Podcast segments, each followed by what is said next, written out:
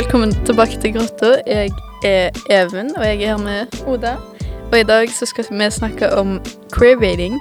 Og for de som ikke vet hva queerbaiting er, så er det en markedsføringsteknikk som ofte blir brukt i fiksjon som bøker og serier og filmer, der de som lager det, får det til å virke som om boka eller filmen handler om et LHBT-forhold eller andre eller andre typer LHBT-representasjoner som karakterer, når det egentlig ikke gjør det.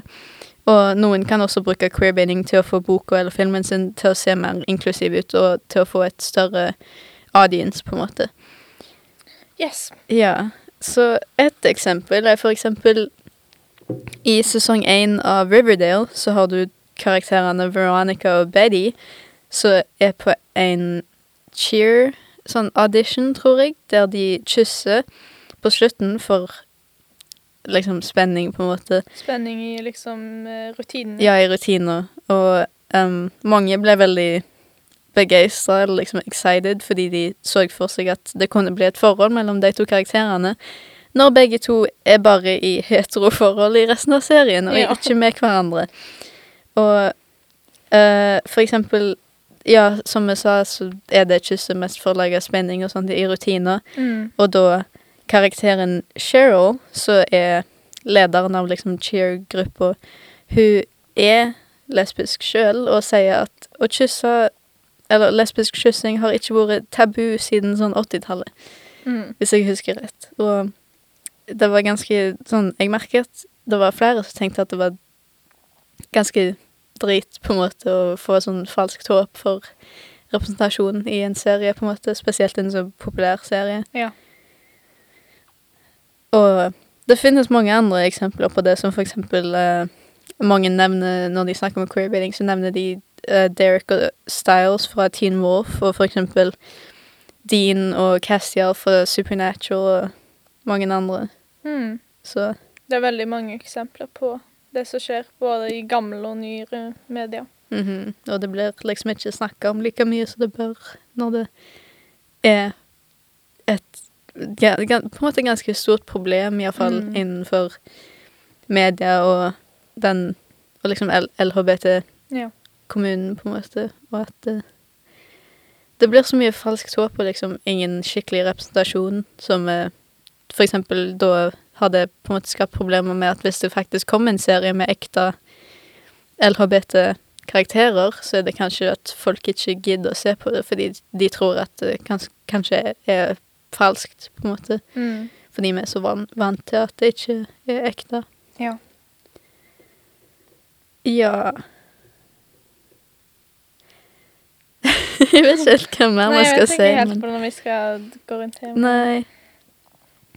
Det er veldig mye, som vi har sagt allerede, det er bare veldig mye dårlig representasjon eh, i filmer og media nå for tida. Men så er det også veldig mye bra. Mhm. Men av og til så kan det være av at noen serier er mer populære enn andre, så blir de litt sånn overshadowed av de som er mer populære. Um, som gjør at det er vanskelig for uh, show med ordentlig liksom, representasjon å være populære. Ja. Som er veldig dumt, for det er liksom det er de mest populære som alltid kommer til å være liksom det som blir snakket om mest uansett. Og da er det jo litt trist at noen ting bare ikke får like mye oppmerksomhet enn andre. Mm -hmm. så Jeg tror jeg har merka et par ganger der der er folk som liksom ikke er LHBT, og da de ser på den queerbaitinga som representasjon, og så når det faktisk kommer serier som er liksom dedikert til LGBT-folk, da så blir de litt sånn Får ikke dere nok allerede? Liksom, hvorfor trenger dere dette? Hvorfor Mm. er det ikke heterofolk i denne serien, liksom? Ja. når det Men så er det liksom Det er ikke ekte, det dere gir oss, så da Ja. må vi få eget som liksom er lagd av andre LGBT-folk heller. Pluss det er mye bedre når det Mm. faktisk er fokus på det og lagd av LGBT-folk, på en Ja, måte. for da, liksom, da går det litt på eh, personlig Mhm. erfaring òg, ikke sant. Og da blir det litt mer sånn du føler med karakterene. Ja. Det, jeg føler det er bare enklere når det er en sånn situasjon, enn når det er bare en, en det heterofil person som skriver om det uten å få liksom høre noe fra noen eller bedre, liksom. -hmm. Og da blir det jo ofte at liksom stereotyper og sånn er veldig Ja, større sånn gay best friend og. Ja, liksom den lesbiske så alle de andre jentene hater, på en måte, Ja. og sånt. Det skjer ofte. Eller at liksom eh, de som er mer sånn mer maskuline lesbiske jenter, er liksom de uh, rebeller og sånn som det, på en Mhm, måte. At de ikke har um, bra relationship med foreldrene sine og sånn. Yeah. Bare at det er mye sånne stereotyper som blir mer vist i medier som er lagd av heterofile folk, enn Mhm. det som blir vist i LHBT-medier, på en måte. ja. Og mye av det er jo bare negativt uansett, Mm. så da blir det ganske kjipt, selv om et show kanskje ikke prøver å creabate, men faktisk prøver å gjøre det skikkelig, så er det ikke bra nok lagt, på en måte, Ja. til å være realistisk eller relatable, på en måte. Mm. Og det kan jo sikkert være grunn til at media bare fokuserer på det negative òg, men det er iallfall noe så Liksom hele filmindustrien og ja, bokindustrien og sånt bør bli bedre p- på. Mm. Ja, Ja. men jeg tror ikke vi har så mye mer å si. Nei. Men uh, har du noen sånn skikkelig sånn faktisk LGBT Serier Ja, eller bøker ja, eller noe sånn. sånt? Um, jeg har for litt siden sett ferdig hele Sex Education. Den har bra representasjon. Den Ja. likte jeg veldig godt.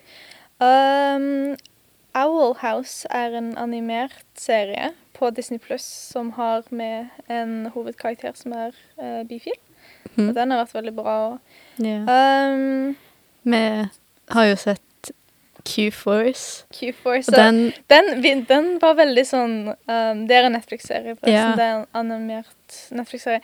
Den, når jeg først så den, så ble den, den ble populær gjennom TikTok. Det var mange sånne småklipp som viser sånn, og da trodde jeg den skulle være helt forferdelig Ja, dårlig for- traileren saboterer den litt, på en Ja. måte. Men når jeg faktisk liksom fikk sett igjennom det, sånn, så er den egentlig veldig morsom og veldig bra. Mhm. Uh, og den viser mange sider av liksom LHBT som er veldig greit å kunne se gjennom. Ja. Det viser gjennom hovedkarakteren sin uh, hvordan han blir uh, diskriminert for å være homofil, og Mhm. bare masse andre sånne type temaer. Så den var veldig bra. ja. Det var sånn Men jeg var overraska. ja, ja, For jeg så noen første episoder, så husker jeg at jeg viste det til deg og Elvira. Og så var jeg sånn Hei, se på det. her. Eh, en annen som kanskje ikke blir snakket om så mye lenger, fordi serien har stoppet å um, aire, det er Steven Universe. ja. Det er en sånn barndomsserie så jeg bare fortsatt holder meg tilbake på. Jeg, hør, jeg hører fortsatt på sangene til den serien. Um, den er veldig bra, og den har god representasjon. Um, det er litt representasjon i Adventure Time også, til Marceline og Prinsesse Bubblegum. Yeah. Det er mange forskjellige sånn animerte som kanskje har litt representasjon, men ikke alle husker at de har det på en måte igjen. Mm. Sånn til nyere serier Jeg vet at uh, Atypical har representasjon. ja, det er to begynte- jenter iallfall, tror jeg. ja, jeg. begynte litt på den.